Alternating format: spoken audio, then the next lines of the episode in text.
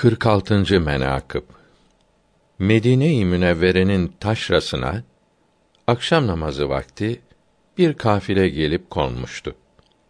Hazreti Emirül Müminin Ömer radıyallahu teala an giderken Abdurrahman bin Avf radıyallahu teala an hazretlerine rast geldi.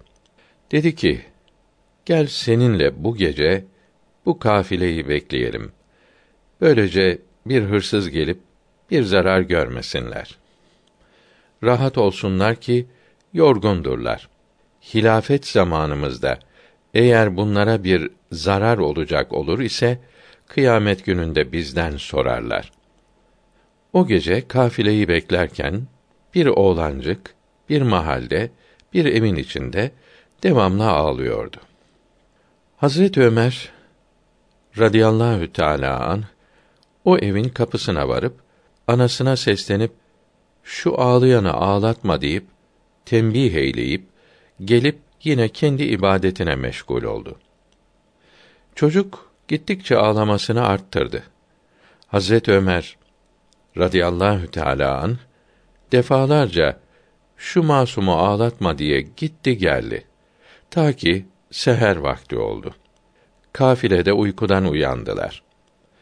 Hazreti Emirül Müminin radıyallahu teala an o hatunun kapısına varıp dedi ki: Ne yaramaz, merhameti olmayan anasın ki bu gece bu tıfıl çocuk rahat olmadı. Sabaha kadar bağırması dinmedi dedi. O hatun cevap verdi ki: Ya Eba Abdullah, niçin beni kötülersin ve beni azarlarsın? Benim halimden haberdar değilsin ki onun için bana böyle huzursuz olursun. Ben bu çocuğu sütten kestim.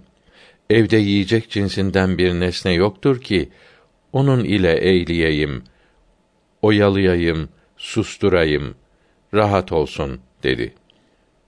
Emirül Müminin Hazretleri dedi ki, bu çocuk kaç yaşındadır? Hatun da dedi ki, henüz bir yaşını bitirmemiştir. Emirül Müminin buyurdu ki: Niçin vakti gelmeden sütten kestin? Hatun cevap verdi ki: Halifemiz olan Hazreti Ömer'e Allahü Teala insaf versin. Oğlancıklar sütten kesilmeyince nafaka takdir eylemez. Ona binaen vakitsiz kestim. Hazreti Ömer radıyallahu teala anh geri dönüp ağlayarak mescide geldi.